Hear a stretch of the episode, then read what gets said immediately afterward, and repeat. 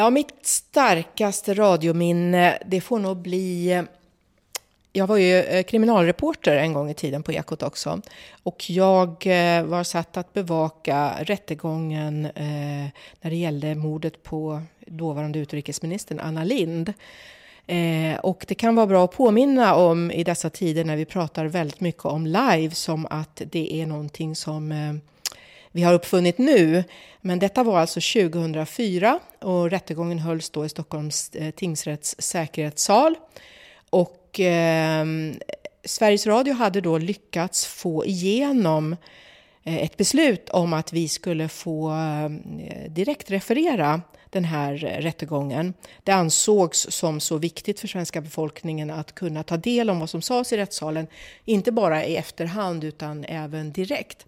Så vi hade fått tillstånd att eh, placera en tolkbur, alltså en, så att säga, en bur som ut, eh, inte något ljud läckte ut ifrån, sådana som man har då nere i Bryssel och sådär när man tolkar till andra språk.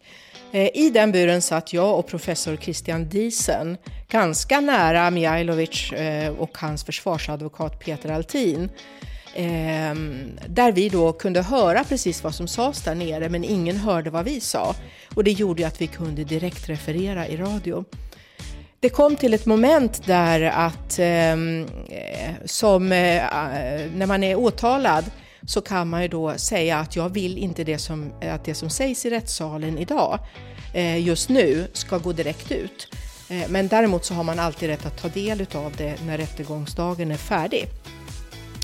Eh, och detta ville då Mijailovic eh, utnyttja när han skulle förhöras av eh, först då åklagaren men sen också av sin egen försvarsadvokat. Och då tittade Christian Diesen och jag på varandra och sa att tänk, det här går ju inte, då blir det ju tyst i radio. Vad gör vi nu? Och sen så bara på en sekund så kom vi på så här att ja men du får vara med och jag är den som frågar. Och sen så simultantolkade vi precis allting direkt ut i direktsändning. Det var liksom ett moment i, i ehm, tror jag, i, i Sveriges Radio och, men också i, för mig själv att ja, det gäller att finna det i stunden hur man ska lösa en situation. Och det var verkligen live, live. Radiofabriken den här veckan från Bangkok med Sveriges Radios Asienkorrespondent Margita Boström.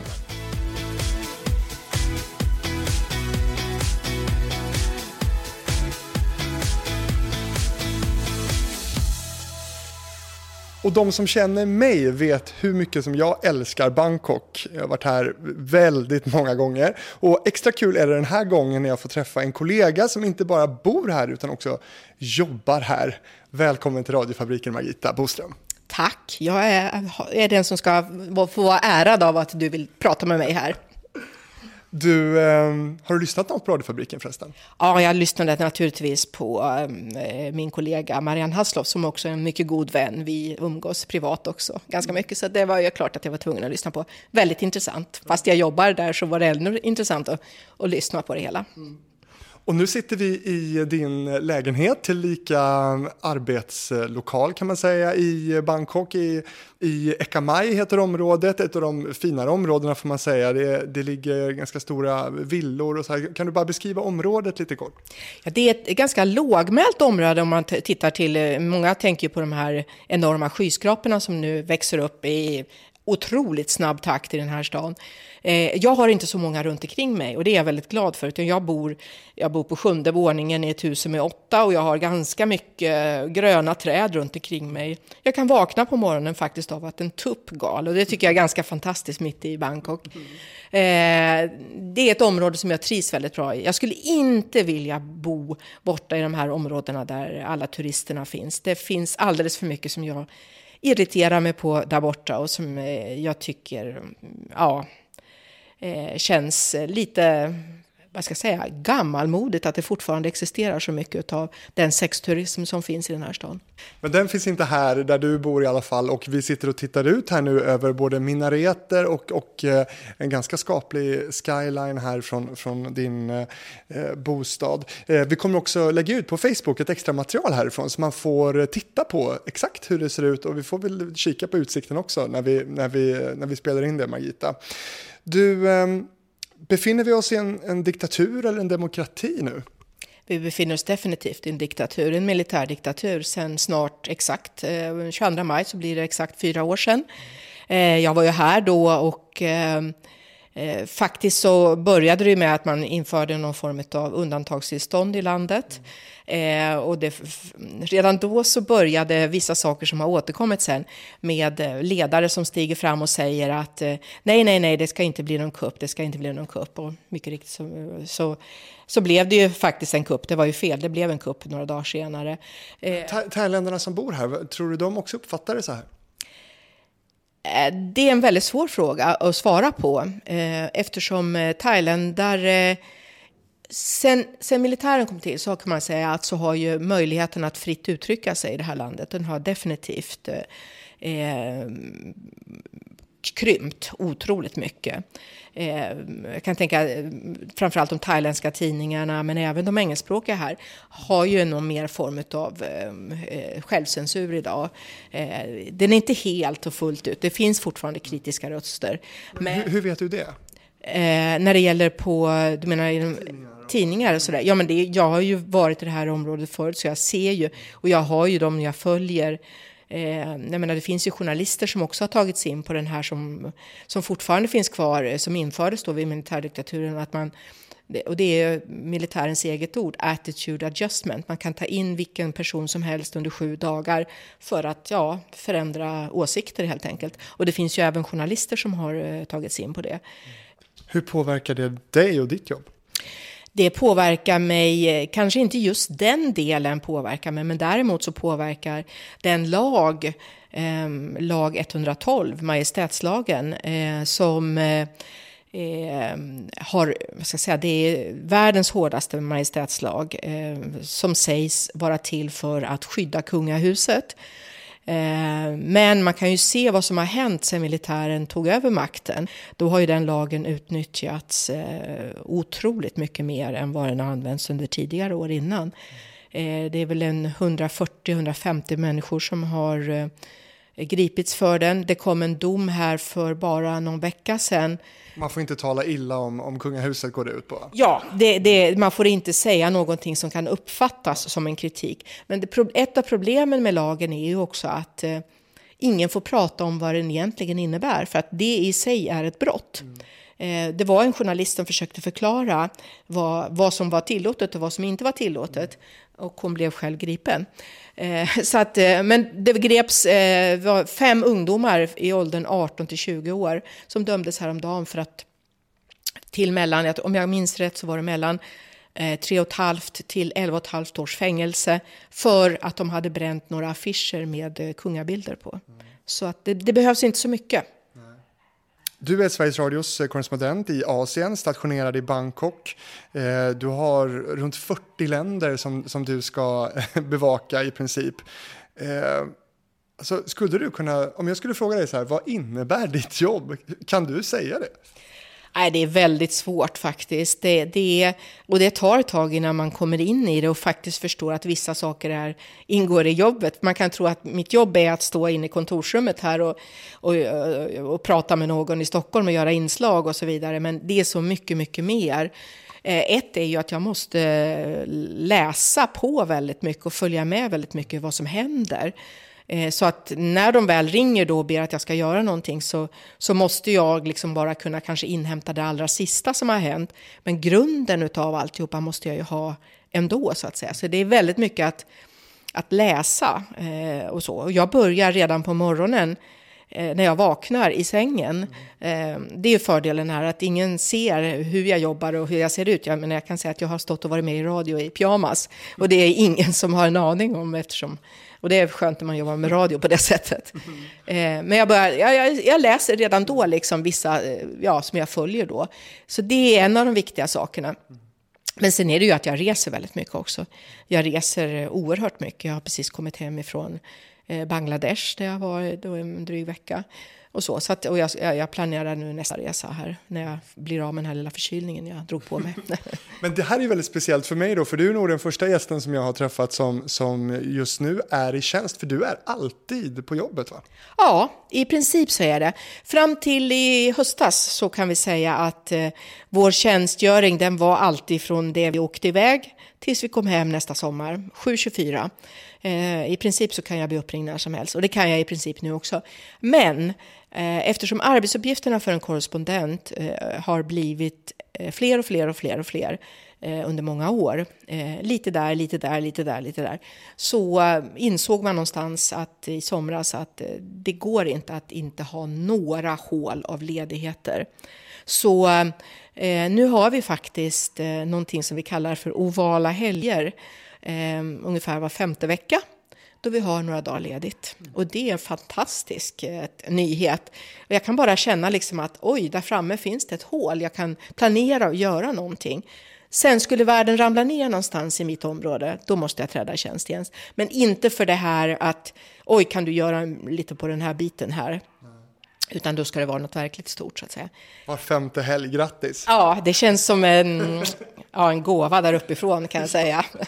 Men du, ehm, hur många år har det blivit nu här? Ja, jag har varit här snart eh, fyra år. Eh, det kommer att bli nästan fyra och ett halvt år när jag åker hem, mm. för jag slutar i sommar. Mm. Eh, och det känns helt okej okay att göra det för min del faktiskt. Jag, Eh, Eh, alltså det är ett jobb som, som äter en ganska mycket och ska äta en ganska mycket. Eh, men det kräver också väldigt mycket och det är klart att jag kan längta efter ibland att få gå hem från jobbet och vara ledig på kvällen. Det, det, det, är jag inte, utan gör jag någonting på kvällen så måste jag alltid vara beredd på att jag måste kanske åka hem och jobba istället. Eller vara med direkt därifrån där jag är och sådär. Så att det känns helt okej okay att åka hem. Jag har en familj som väntar där hemma med två barnbarn som jag längtar oerhört mycket efter. Är det värt det här? Den frågan har jag kanske ställt mig ibland, men alltid kommit fram till i slutändan att jo, det är det. Men det är klart att vissa dagar när man känner att arbetsbördan är jätte, jättestor och man kanske precis har gjort färdigt ett antal stora reportage och skickat iväg alla de där bilderna, alla de där texterna, allt det där andra och gjort det. Och så tänker man att nu ska jag gå och sätta mig och äta eller nu ska jag göra någonting annat. Och så ringer telefonen och så är det bara att sätta igång med en ny historia som har, som har hänt. De gångerna kan man ju känna att ja, jag vill bara säga nej, nej, nej, nej. Men... För de kan ringa dig nu och säga du måste till ja, Bangladesh eller du måste åka till Sydney nu. Ja, så kan det vara. Absolut. Ja. Men jag, jag, vet, jag har ju varit med så pass länge nu så jag vet ju vilka former av eh, händelser som är och då vill jag åka också. Så det är inte det, utan det är mer det här att när man ska göra ett inslag härifrån där jag inte är, något ställe som har hänt Filippinerna fast jag är i Bangkok och sådär. De sakerna kan ju ibland kännas som att, ah, oh, så va, ungefär. Men, men det här att åka iväg när någonting händer, att den nerven, den tror jag aldrig går bort från en journalist, nej. För vad är det då som händer rent praktiskt när, de, när du får det samtalet? Vad, bokar du resor själv och hur ser det ut? Bokar alla resor själv. Jag eh, eh, gör all researchen i princip själv. Om det inte är en sån här säkerhetsresa, då gör vi den från flera olika håll. Men är det en resa till Sydney till exempel så, så eh, är det att jag måste, ja, jag måste försöka se vilka ska jag träffa och hur kan jag träffa dem, vart ska jag åka i Sydney. Jag menar, många av mina länder är ju otroligt stora. Vi kan säga att jag ska åka till Indien. Men Indien är ju egentligen 29 olika länder eh, där det finns delstater som har 220 miljoner människor. Alltså det, det är sådana Eh, eller Indonesien med alla sina öar eh, som jag också är. Så att jag menar, det är inte bara det att jag åker kanske till en storstad utan det är ju... Och då måste det finnas en logistik. Men de länder där jag inte pratar språket, vilket gör de flesta länder här, eh, så jobbar jag ihop med lokala så kallade fixare som det heter på journalistspråk. Då. Det kan vara, oftast är det lokala journalister då som jag har jobbat ihop med länge och sådär. Så då började jag med att ta kontakt med dem och säga att nu kommer jag, kan du jobba med mig nu? För de har ju ofta andra jobb också. Mm. Eh, och sen så lägger vi upp en plan hur vi ska göra då. Och nu, nu ringer det. Ringer, ja. Får vi följa med? Ja, du får följa med. Nu ringer mitt samtal som jag har varje dag. Varje vardag ska jag säga. Margita? Ja, hallå Helge. Hej, hej. Ja, ja det får vi göra. Hej.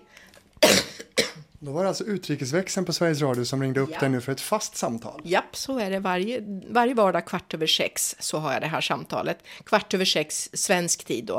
Eh, när det är ehm, eh, vintertid hemma i Sverige. Annars är det kvart över elva, för då är det fem timmars tidsskillnad. Nu är det sex timmars tidsskillnad till Sverige. Mm. Och det har jag var, var, jag, var jag än är någonstans. Vem pratar du med då? Då pratar jag med utrikesdesken och idag är det Patrik Holmström. Eftersom jag redan har pratat med honom lite grann så vet jag det. Hallå, hallå, det var många samtal denna morgon. Ja, ja, jag vet inte om vi har så mycket mer att säga, men mm, gör det, gör det. Mm, mm. Okidok, vi hörs senare. Men skicka ett mejl när du vet. Alltså, hej, hej.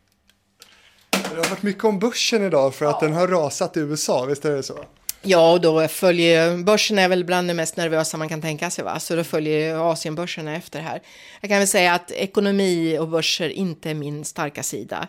Eh, och det måste väl vara så att man inte kan riktigt fånga upp alla. Men han var nöjd med det inslag jag lät. Han tyckte det lät initierat, så jag får väl jag får väl glädja mig åt det då. Men jag ska göra ett till här om en timme, eller det ska vara klart om en timme ungefär. Så att. Men som korrespondent, du ska kunna allt? Ja, det där är ju jättesvårt och det är naturligtvis ingen som kan allt. Men det går ju att läsa på och skaffa sig bakgrundskunskaper som man kan i alla fall lite. Men jag skulle inte när det gäller ekonomi så skulle jag nog inte klara av att vara med i ett samtal och analysera och sådär. Det, det tror jag inte. Eh, men, men man ska ju kunna så mycket som möjligt, det ska man ju kunna. Och menar, vi jobbar ju inte bara för nyhetsredaktionen, vi jobbar ju alltifrån eh, ja, barnradion till sporten till kultur till det mesta faktiskt. Eh, så att vi är ju med på väldigt mycket olika saker. Mm. Och nu står vi i ditt arbetsrum här och det ser egentligen ut som om det skulle vara liksom i radiohuset någonstans i, i eh, Sverige. Du har en, en, dator framför dig, mm. du har en, en mikrofon, mm. hörlurar, en, en eh, tv-skärm och en liten mixer också. Mm, mm. ja, det funkar faktiskt eh, som, som som i Radiohuset när det gäller den delen.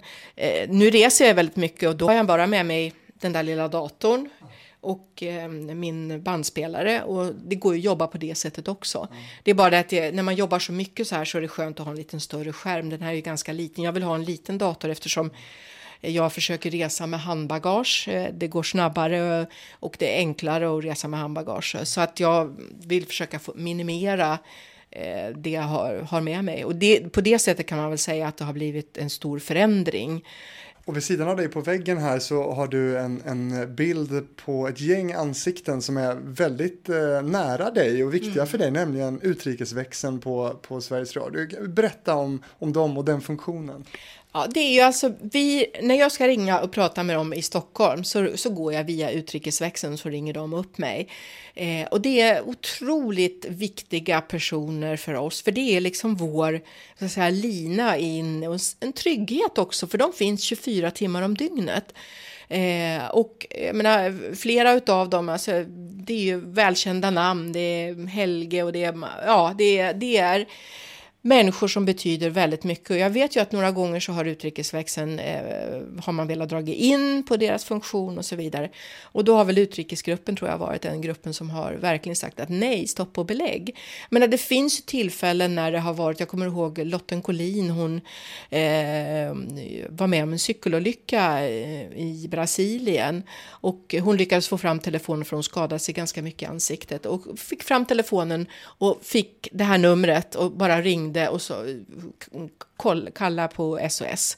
Eh, jag menar, det är en otroligt viktig funktion för oss, jätteviktig. För de, de vet ju olika vägar hur man ska försöka nå oss på det, på det bästa sättet. Och det, jag menar, även telefon så är det inte bara ett sätt, utan det är många sätt. Så att, för du är ensam egentligen? Ja, jag är ensam här, ja det är jag. Jag har jag har två döttrar. En bor i Australien och en bor i Sverige. Så att man kan säga att jag bor mitt emellan just nu. Ja, ja. Men det här är ditt arbetsrum. Har, och du, har du liksom designat det själv eller på så här, och inrett det efter eget tycke och smak? Ja, och jag tycker det är ett fantastiskt arbetsrum. Jag kan titta ut här så, så ser jag liksom en del höga hus. Och, Framförallt så ser jag också väldigt mycket gröna träd som blommar på olika sätt. Jag ser en liten pool här nere också. Den kan ibland vara väldigt, väldigt lockande härifrån.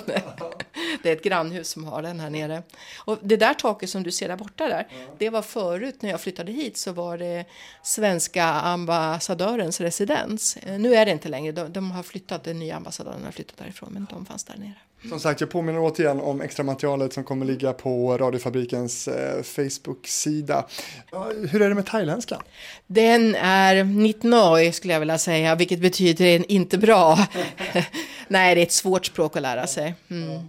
Och jag menar, jag är som sagt var, det är nästan lika många språk som, som länder som jag har att bevaka här. Så att det är ju inte det. Och det är ju ett av problemen här egentligen i, Bank, eller i Thailand. Det är ju att eh, i den här regionen så är ju thailändarna bland de sämsta på engelska faktiskt. Mm. Och varje kväll på thailändsk tv klockan 18 så är det ett program som sänds på alla tv-kanaler samtidigt. Eh, som handlar just om the future of Thailand. Det är väldigt mycket, och det kan man också säga, det har väldigt mycket eh, ökat också i, sen militären tog över. Det här man pratar om Thainess, alltså vi ska ha, man pratar till och med om Thainess demokrati, den egna formen av demokrati, vad nu det ska vara för någonting. Eh, och man, man eh, jag menar det här med att man ska, man går på bio här till exempel så måste man ställa sig upp och lyssna på kungasången.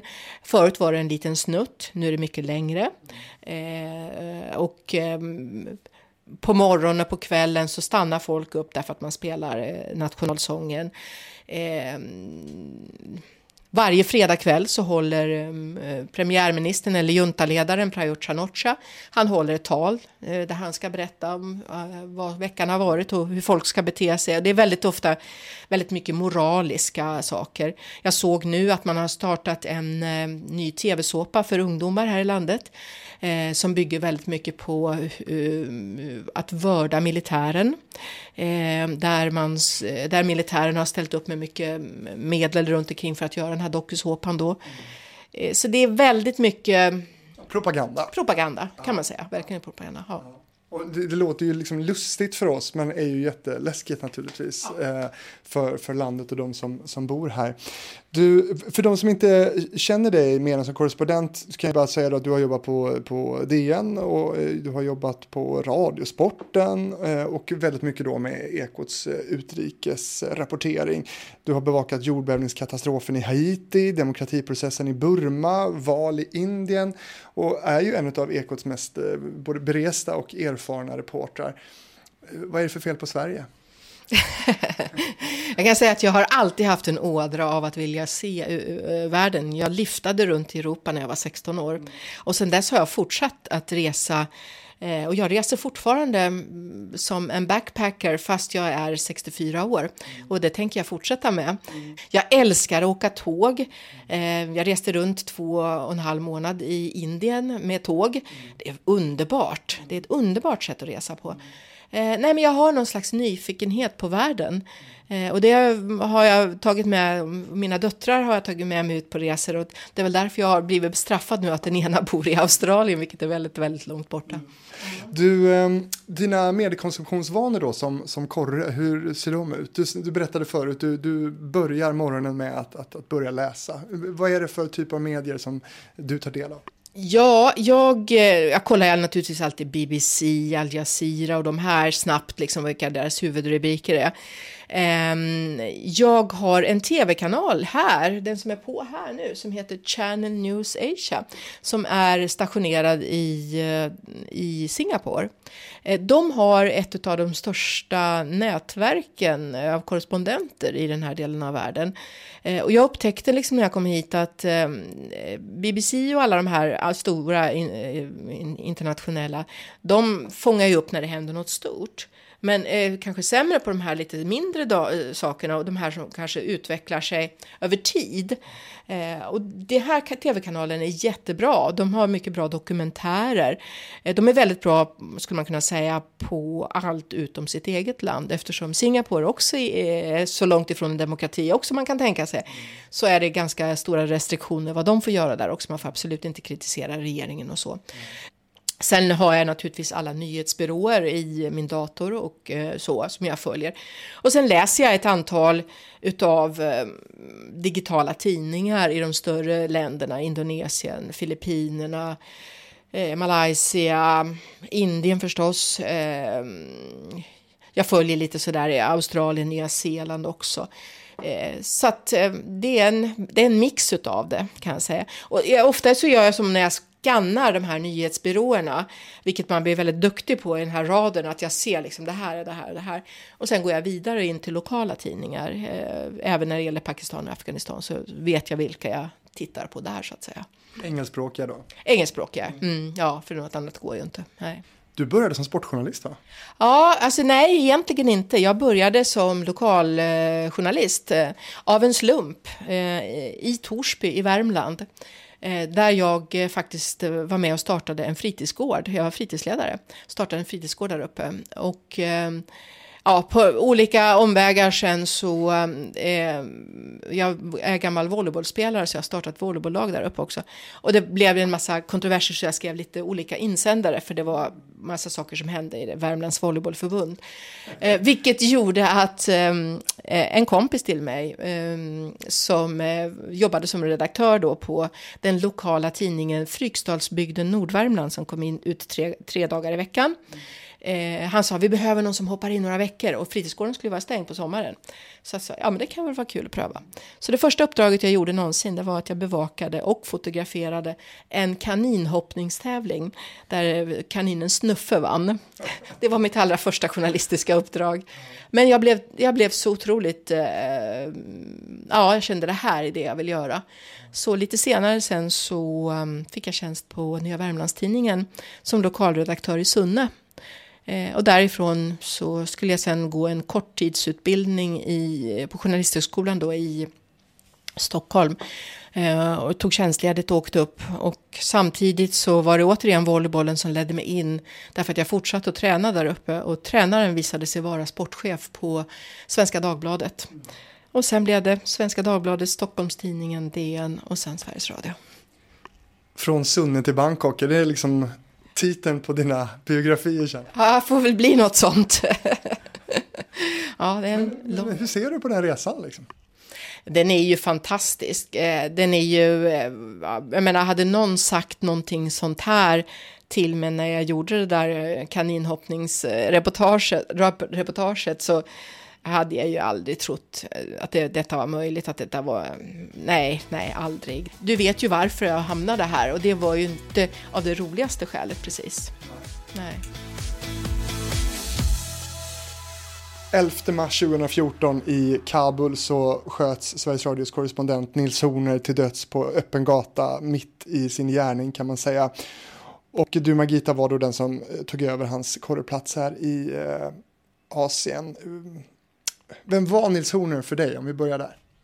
Ja, han var ju en fantastisk reporter eh, som eh, man kan säga banade väg för en ny sorts journalistik när det gäller utrikesrapportering i Sveriges Radio genom att eh, ständigt eh, försöka vara på plats istället för att sitta på en eh, ort och rapportera.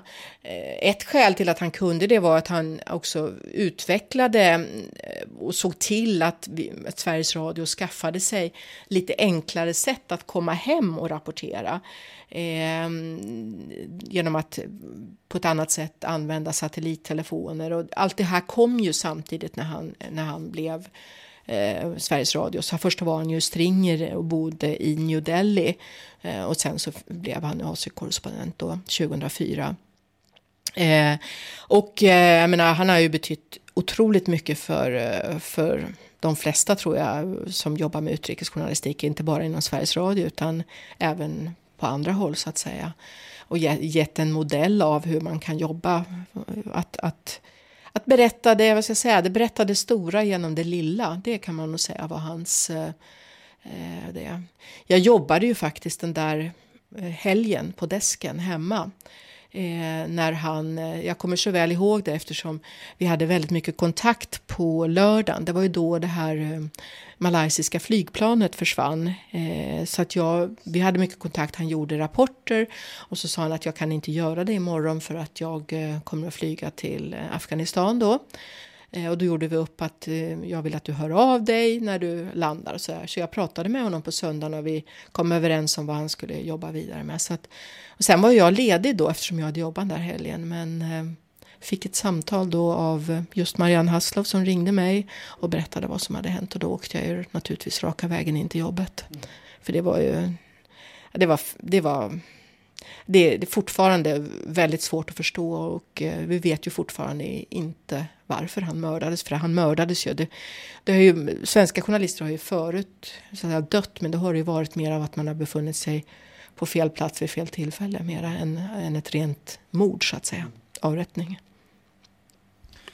Hur påverkar det som hände honom dig i din roll som korrespondent här nu? Alltså, för det första så, ehm, det gick väl, jag kommer inte ihåg nu exakt, men jag tror att det gick ungefär 14 dagar efter när jag fick, en, fick förfrågan då eh, om jag kunde tänka mig att åka hit. Då var jag, jag skulle åka in som vikarie fram till sommaren bara för att ja, vi kunde inte lämna den här delen av världen eh, helt obevakad. Plus att det då skulle vara det här eh, jättevalet i, eh, i Indien som var väldigt viktigt val då. Eh, och först kände jag bara att nej, alltså det tryck, det jag menar, alla kommer ju jämföra precis allting det jag gör med det Nils gör. Så det var, det var väldigt jobbigt kan jag säga. Det var väldigt tungt. Det var, jag kämpade otroligt. Först så sa jag att jag måste få gå hem och fundera och sen efter ett tag så började jag fundera att, som alla sa till mig, men Nils hade ju aldrig velat att vi skulle bara lägga ner. Det kan vi inte göra heller. Så ja, till slut då så satte jag mig på det där planet och åkte hit.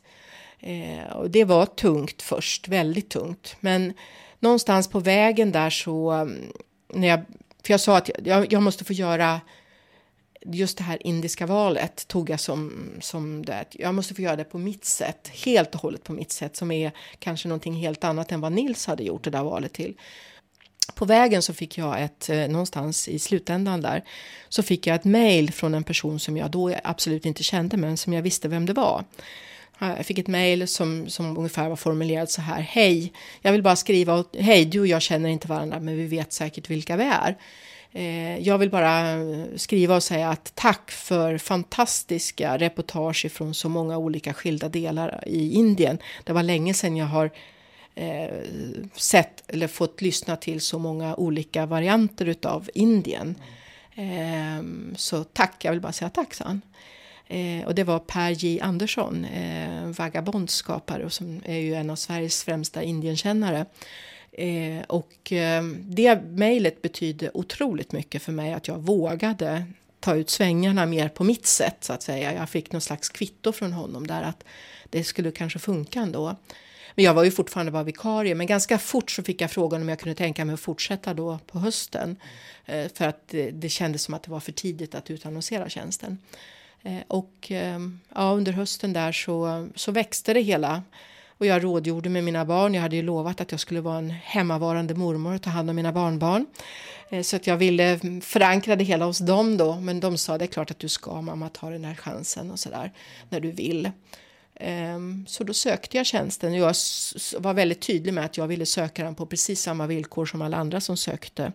Eh, och jag hade en Mm, det blev en Skype-intervju när jag var i Aceh i Indonesien inför då tioårsdagen av eh, tsunamin. Och då ringde Gina och frågade om jag ville ha jobbet. Så det var som att vi satt och firade på något sätt mitt i alltihop. Och då kändes det fantastiskt. Men det är klart att det här med Nils, det ligger ju alltid kvar i, i bakgrunden på något sätt. Det som hände Nils satte väl också fokus på att, att det jobb som du har är ju farligt. Hur tänker du kring din egen säkerhet?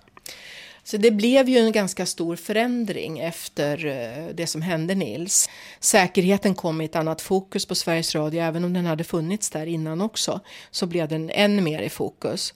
Som det nu är så får ju ingen åka ut Eh, till områden som kan anses farliga. Och idag är det väl nästan alla områden innan vi har gått en, en veckolång kurs som hålls nere i eh, Tyskland eh, som, eh, där man kan säga att man ska inte berätta för mycket om den, för de som åker dit ska det komma som en överraskning. Men man kan säga att det är ett fiktivt land där det händer väldigt mycket och eh, man blir utsatt. Och det som är kanske inte det här, man lär sig väldigt mycket hur man själv reagerar och det är kanske den viktigaste kunskapen. Blir jag en sån här, jag vet jag läste berättelser av de som klarade sig från Estonia-katastrofen, att de som klarade sig, det var de här som, som liksom bara inte gav upp utan bara liksom eh, klättrade över andra för att de skulle upp och så vidare. Och jag tror att det är väldigt mycket viktigt att lära sig är jag en sån som eh, flipprar ur fullständigt och bara sitter och skriker eller är jag någon som försöker göra någonting åt situationen? Och det lär man sig på den kursen och det kände jag var väldigt, väldigt viktigt. Hur är du då? Jag är någon sån som försöker ta mig ur situationen, så att säga. Det, det är det. Men, men, känner du dig trygg på jobbet? Ja, det gör jag. det är klart att, alltså, som alla kommer att svara om du frågar alla korrespondenter, det absolut farligaste det är ju trafiken i vilket land du än är. Eh, och även framförallt här i Thailand. Jag menar, förra året så var Thailand det absolut trafikfarligaste landet i världen. Det dog per capita flest personer i trafiken här. Därför att man kör, man är helt utmattad med taxichaufförer. Hur många gånger har jag inte väckt taxichauffören på väg ut till flygplatsen? Gud, det har aldrig hänt mig som tur är. Har koll på ögonen, det kan jag säga till alla. Ha koll på ögonen. Många av dem de, eh, håller sig vakna med hjälp av de här små energidryckerna. Eh, och det går bra så länge de åker de här korta sträckorna in i stan. Men så fort det är lite längre sträckor då har de en tendens till att börja nicka. Eh, och därför att de tjänar så lite pengar så de måste jobba så många timmar för att få ihop en rimlig lön. Vad är det farligaste du har råkat ut för skulle du säga då? Förutom då somnande taxichaufförer på väg till flygplatsen. Ja, alltså det kanske är saker som man inte har en aning om. Det kanske var saker som var nära någonting som jag inte vet om. Men alltså det, jag var i Sri Lanka 2009, det var innan jag eh, tillträdde som korre. Eh, nej, inte 2000, 2012. Jag bladdrar ihop det för jag har varit där många gånger. Men, eh, och tog mig då upp till eh, norra Jaffna. Eh, och det var ju precis när man hade kanske börjat släppa in lite folk. Men därför absolut inte journalister. Så jag var ju inte där som journalist. Ja, utan jag var där som turist. Men var där och jobbade ändå. Och då, eh, de jag, den jag jobbade ihop med där, vi åkte upp då till Jaffna. Vi hade en chaufför. Vi tog oss förbi de här eh, områdena som eh, det här sista slaget stod mot tamilska tigrarna när det var 300 000 människor som var instängda eh, på en landremsa mellan en lagun och havet. De kom ingenstans. Det var vad regeringen kallade no fire zone, det vill säga de skulle vara trygga där. Det var bara det att den eh, srilankesiska militären stod på ena sidan, tigrarna på andra sidan och så sköt de på varandra och däremellan var de här 300 000. Eh, jag åkte förbi den landremsan som fortfarande då visade kratrar och eh, eh kvarvaror av eh, människor, eh, av eh, kläder, leksaker, allting. Det var liksom en fram, ja, hemsk bild. Men sen när vi åkte vidare upp till Jaffna så eh, vid ett tillfälle där så kände vi hur vi var förföljda där uppe. Ehm, och eh, det var en motorcykel med två stycken på. Det är ofta de här länderna så är just det här, de sitter på motorcyklar. Mm. Det är bland det farligaste eftersom de skjuter. En, en kör och en sitter där bak och skjuter. Det är det som sker i södra Thailand väldigt mycket här. Vi försökte bli av med honom, det gick inte. Men så till slut vid ett tillfälle, för vi, vi försökte spela turister då, att jag gick runt och fotograferade tempel och sådär. Mm. Men vi blev inte av med dem. Och till slut då så, så sa chauffören, nu måste vi göra någonting. Eh, och då så hade vi, han parkerat så klyft och de var tvungna att köra framför oss och så mellan hade vi en väg då. Så han rivstartade den där vägen, men den var ju lika bred ungefär som, som bilen vi har åkt i. Och den körde vi liksom i kringelikrokar i Jaffna för att skaka av oss de här personerna. Jag kan säga att jag var inte rädd för själva bilfärden. Jag var livrädd för att någon skulle kliva ut ifrån något hus. För där kliver man ju rakt ut på vägen. Något barn som lekte eller någonting sånt där. Så att vi skulle köra på en. Det var jag livrädd för. Men till slut då så hade vi då, för vi bodde en bit utanför Jaffna. Så hade, hade vi ringt och förvarnat där. Så de hade öppnat grindarna rakt in i ett garage. Så vi bara blåkörde rakt in där. Det var som en biljakt på film. Ja, ja, det var som en biljakt på film. Ja, det var det. Och så satt vi där i, i några dygn och, och um, funderade på hur skulle vi göra nu. Därför att då fanns det fortfarande militära checkpointser som man var tvungen att passera när man skulle åka ner mot Colombo igen då. Eh, och um, till slut så sa vi att chauffören fick åka själv. Eh, och vi skulle flyga, för vi trodde att det väckte mindre uppmärksamhet. Att jag var en turist med en turistguide med, mig, vi skulle flyga ner. Det är bara att flygfältet då låg, det tror jag det gör fortfarande, låg inom det här militärområdet. Så vi var tvungna att träda in på militärområdet. Så jag tömde alla mina, eller den band, jag hade en bandspelare med mig då. Eh, och det är en bandspelare som jag kan byta ut simkortet. Jag har ett simkort med bara massa musik på. Så jag stoppade i det musiksimkortet och sa att jag är en gammal tant, jag lyssnar på musik på det här sättet.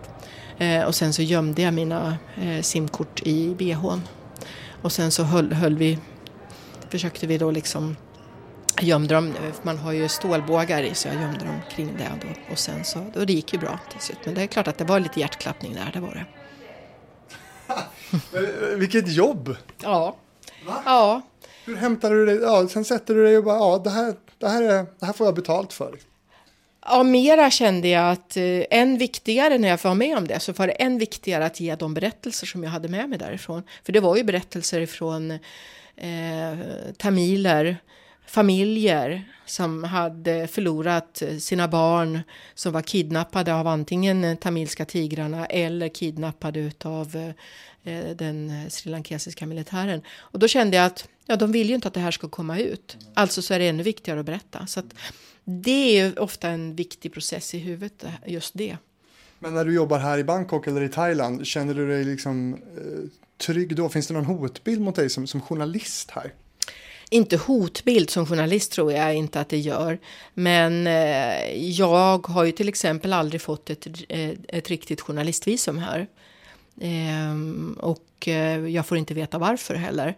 Eh, och från början så skulle jag ju inte få ett visum överhuvudtaget för att jobba här.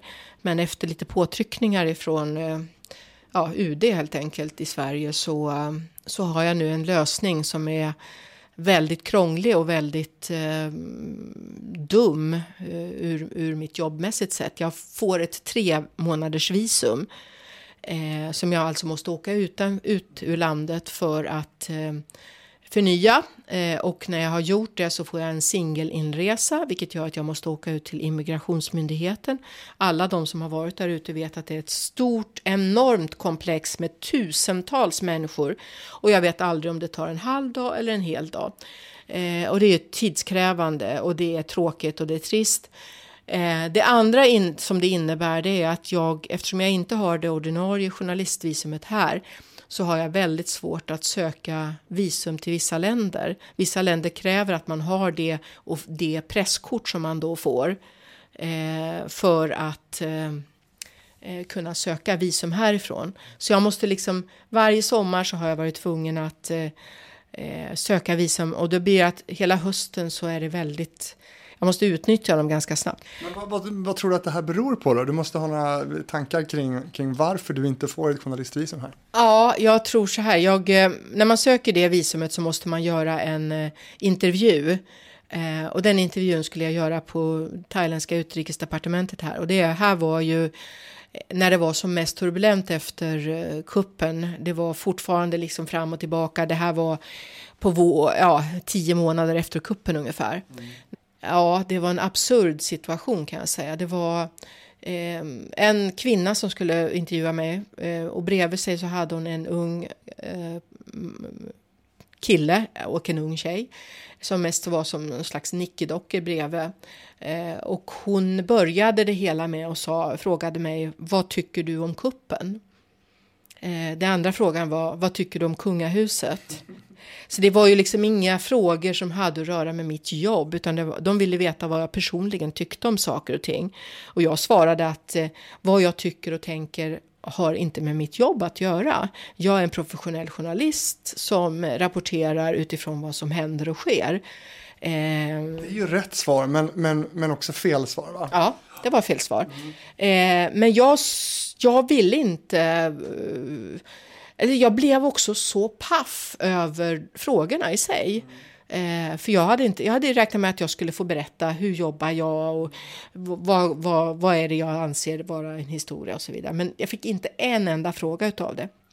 Och hon blev allt mer frustrerad, eh, denna kvinna, som jag inte tror var egentligen en diplomat, utan jag tror att hon var från eh, säkerhetstjänsten. Hon vägrade dessutom att presentera sig, så jag vet inte vem det var. Men jag, jag tror ju att eh, thailändska ambassaden i Sverige, de eh, kollar nog vad jag gör, det tror jag. Mm, det tror jag.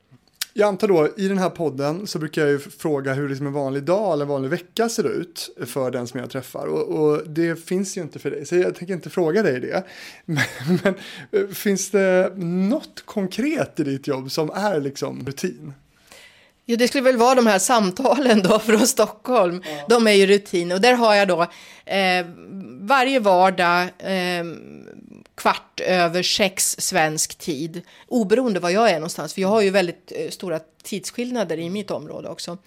Eh, och sen så har jag på måndagar och torsdagar så har jag två andra samtal. Eh, då pratar jag med det som kallas för AD-desken, alltså den som sitter och handhar eh, reportagen i Studio 1 i eh, P1 Morgon.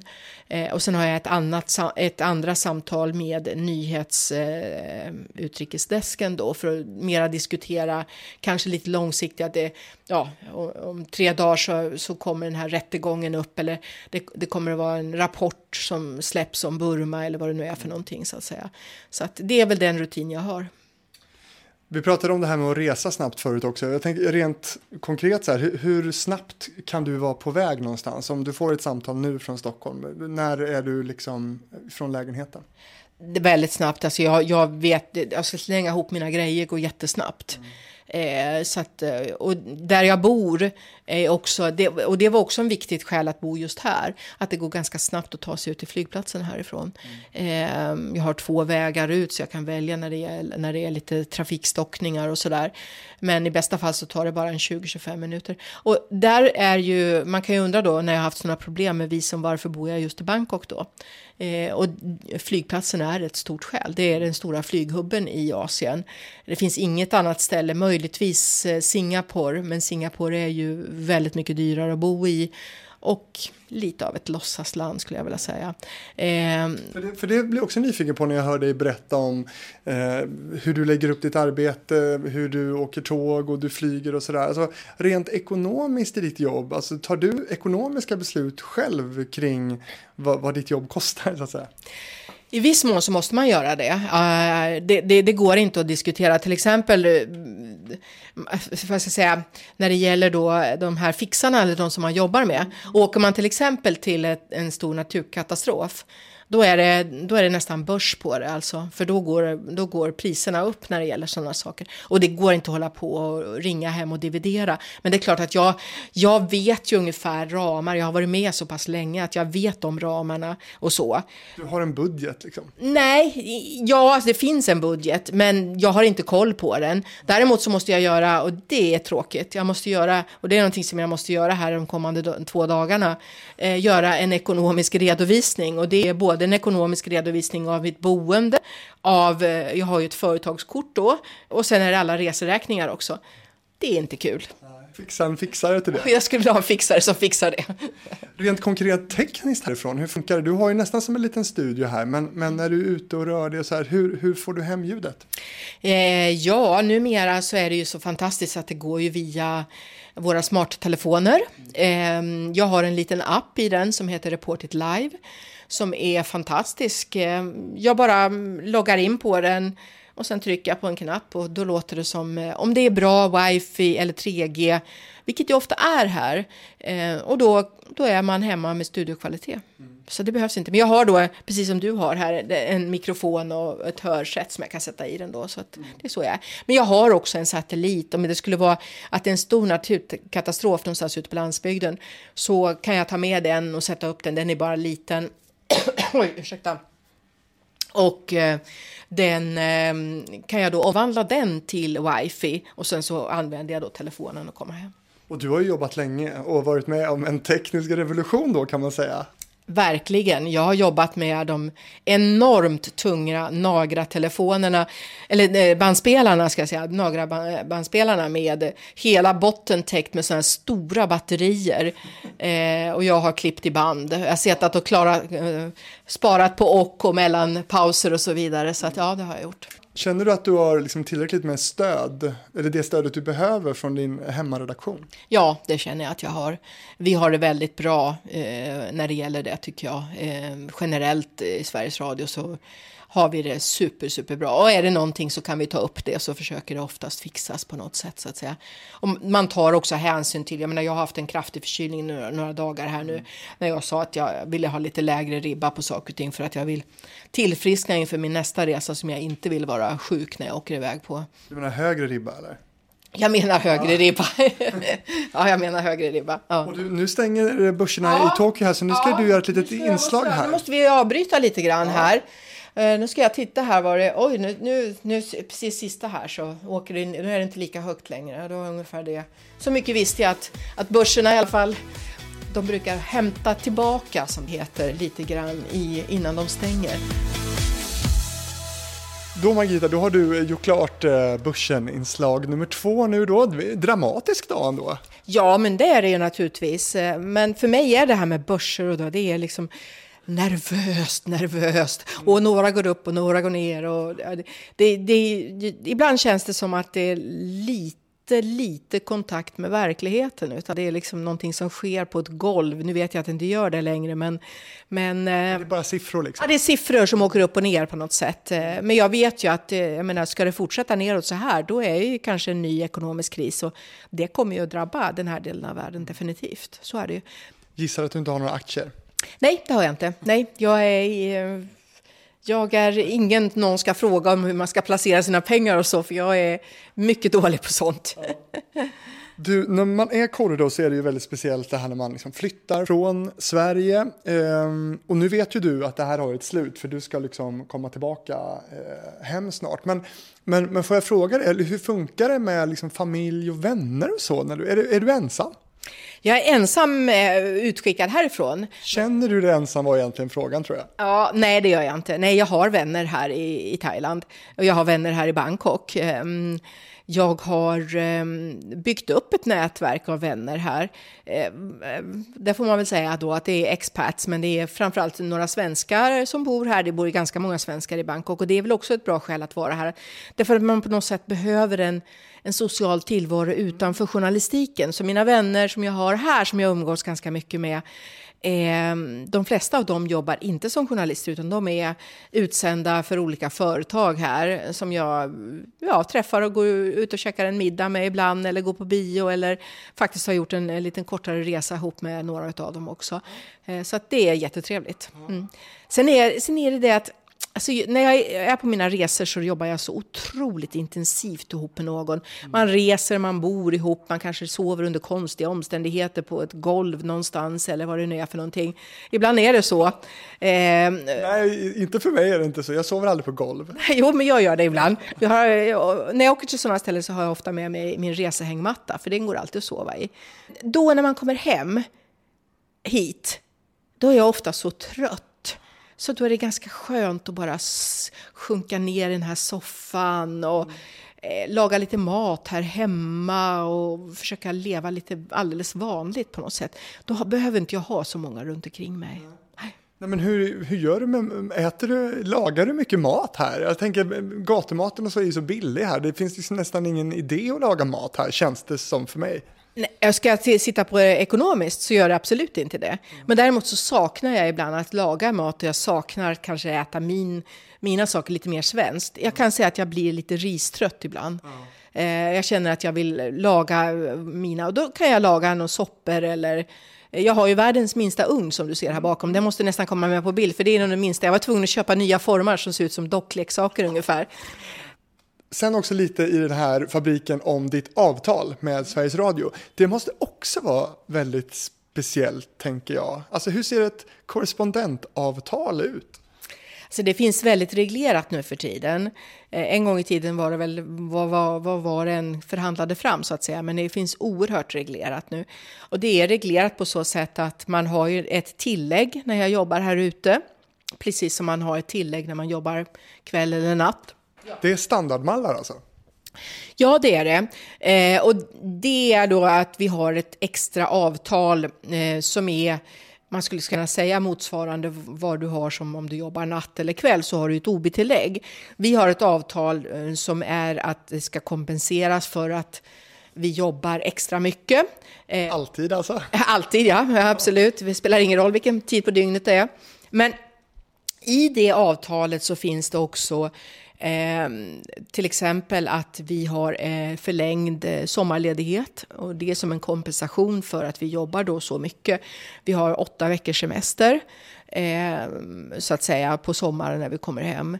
Eh, och eh, det är också mycket där, alltså det handlar ju delvis också om att vi har de inte på alla ställen, men på många ställen så finns det ju sommarvikarier. Och för att det ska bli någonting för dem att åka ut så, ja, så, så, så ska vi ta vår semester på sommaren helt enkelt. Jag kan inte välja att ta den någon annan del på året.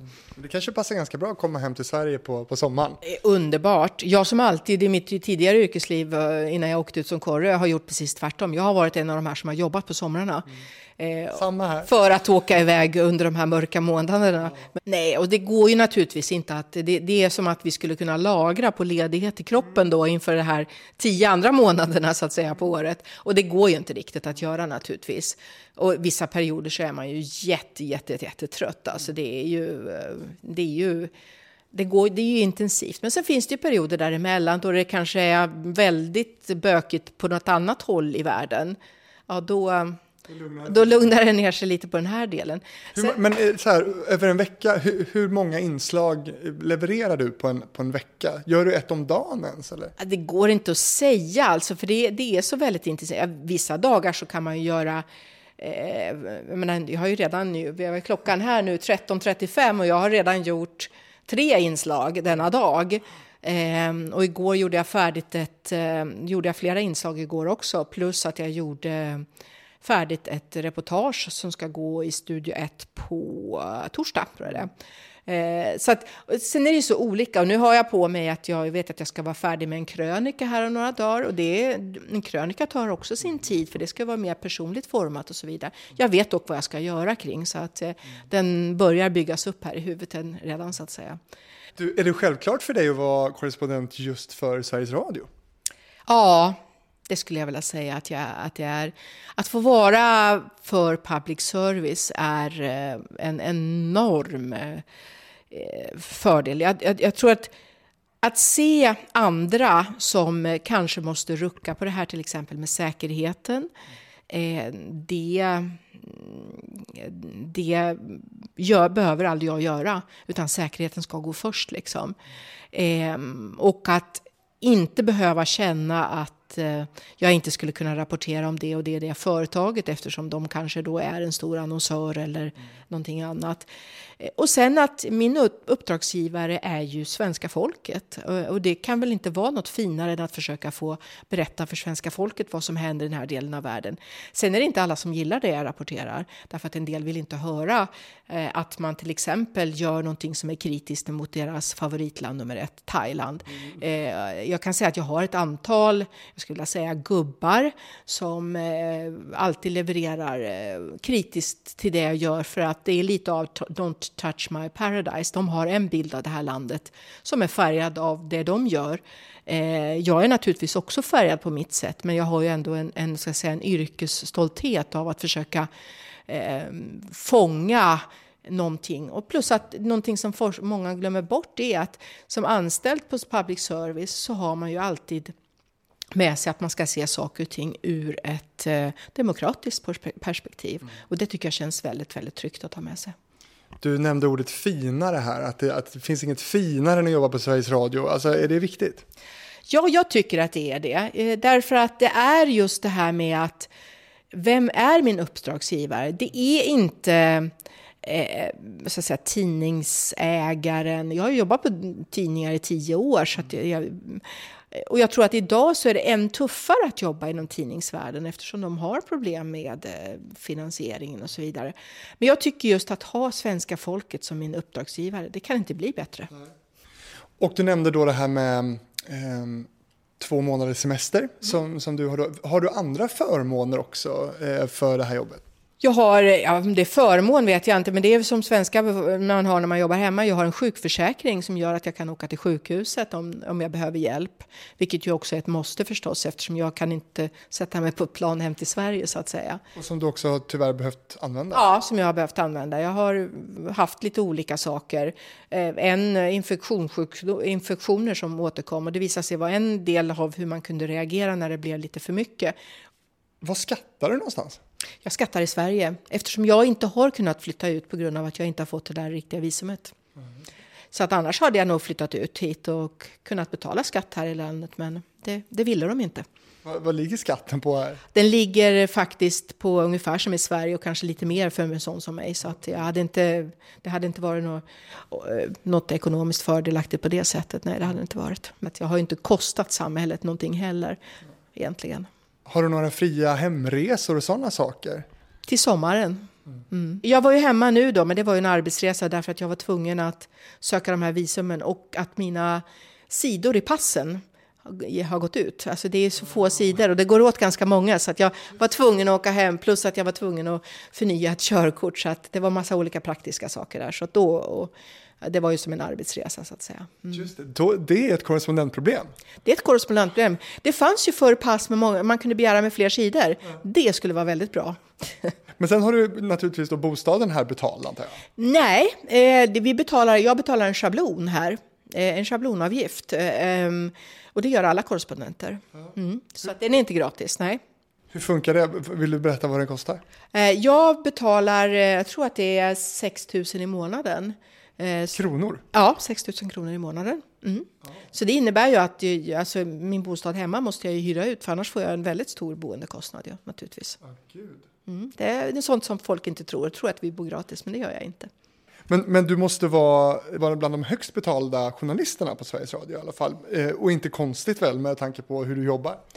Det vet jag inte, det tror jag faktiskt inte att jag är. Jag, har inte, eh, jag klagar inte på min grundlön, men den ligger absolut inte högst. Och sen har jag ett tillägg uppe på det som är, alltså det är en krånglig beräkning som jag själv inte riktigt förstår. Alltså den är beräknad på att vi, beroende på vad det kostar där vi bor, eh, men det är ju olika för alla de 22 andra korrespondenterna beroende på var i världen du bor någonstans.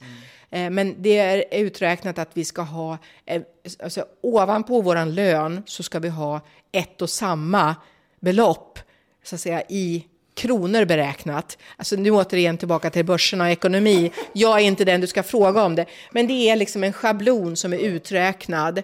Eh, som, som, och sen så Sen så beror det också på hur valutorna i de olika områdena fluktuerar. Jag menar, till exempel här så har ju under mina år här så har ju batten blivit eh, mycket, mycket starkare och det förlorar ju jag på som har min lön i svenska pengar. Mm. Och det får jag ju också naturligtvis en kompensation för det ska ju inte jag behöva stå för egentligen. Jag menar, Precis, jag gjorde ett litet räkneexempel. Du har ju en lön på ungefär 900 000, eh, runt 900 000.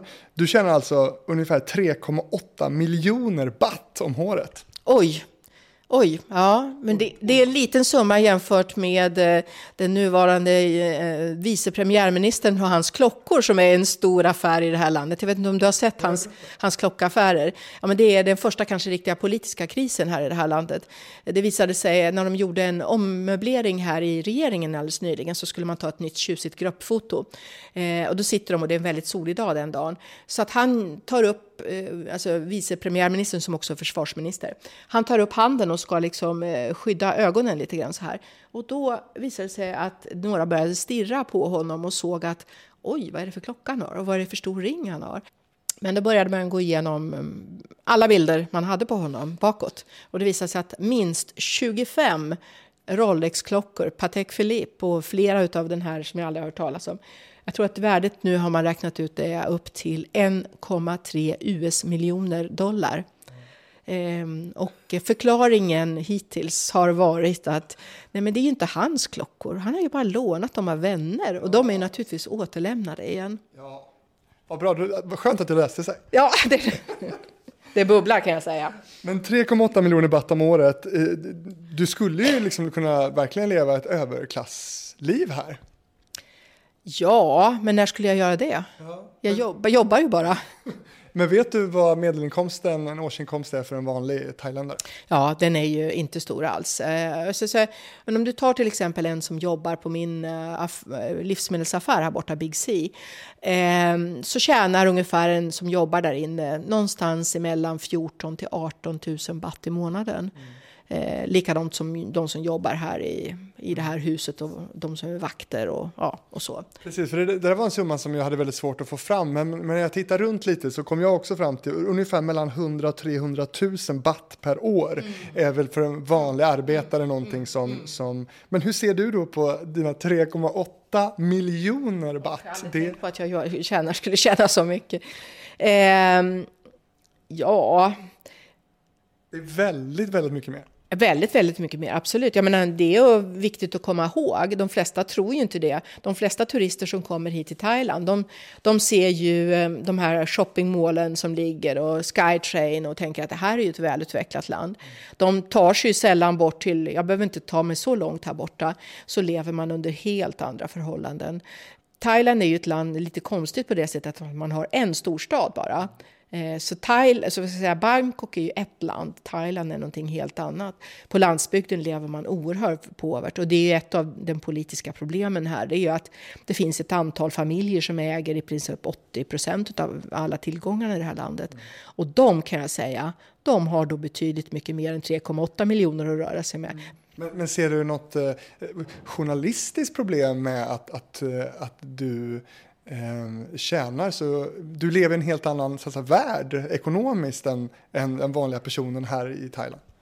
Ja, det vet jag inte om jag har tänkt på det på det sättet. Att, eh, alltså, jag kan ju säga att jag gör inte av med några pengar. Det är väl egentligen det på det sättet som, som jag eh, tjänar pengar just nu. Det är att jag har ingen tid att göra av med några pengar därför att jag jobbar i princip hela tiden. Eh, jag, har, jag kom hit med en tom resväska i princip med lite kläder. Eh, och jag har inte släpat utan sen har jag liksom byggt upp det här hemmet. Mm. menar, konsten det är gatukonst som jag har köpt av gatumålare runt om för att jag skulle göra det lite trivsammare så att jag kände att det här var mitt hem. Så att det, det är sånt som jag har fixat själv. Mm. Det här var radiofabriken från, från Bangkok. Vem tycker du att jag ska träffa i radiofabriken framöver här? Väldigt bra tycker jag att du sökte upp just Marianne Hasselhoff, för det finns ju så många radiopersonligheter som eh, man inte tänker på egentligen, som kanske finns i bakgrunden mera. Så kanske du skulle träffa någon utav eh, någon chef som berättar liksom hur är det att, eh, att försöka eh, så att säga, leta rätt i det nya medielandskapet på alla dess plattformar, ett ord jag hatar, men på alla dess plattformar och allting. Hur ska vi liksom hinna det, eh, finna den nya vägen? Är det verkligen flashnotiser? Är det alla livesändningar som gick i topp ett tag men som nu kanske har blivit lite mera eh, hanterbar, eh, tror jag. Eller är det någonting annat? Ska vi börja prata om eh, vad vi gör i radion kanske lite mera än bara livesändningar och plattformar? Det tycker jag du ska försöka hitta någon som kan prata om. Bra tips, det ska jag ta, ta till mig absolut. Eh, är det så att du som eh, lyssnar på det här, eh, som vill komma i kontakt med eh, mig, kanske har egna tips om vem jag ska träffa, då e-postar man till fabrikspost gmail.com. På Facebook, Radiofabriken, gå in där. Där kommer du hitta ett rörligt extra material med Margita och mig härifrån eh, Bangkok. Och eh, ja, jag tittar ut över eh, skylinen här Margita och jag måste ju få avsluta härifrån på klassiskt korrespondentvis. Så jag säger Fredrik Rahlstrand, Bangkok. Godkänt? Absolut, absolut. Jag brukar lägga till Thailand också, de olika länderna faktiskt jag är i. Därför att det är inte alla som vet var de här städerna ligger i. Mm. Jag gör om då, jag säger så här. Fredrik Rahlstrand, Bangkok, Thailand. Mycket bra.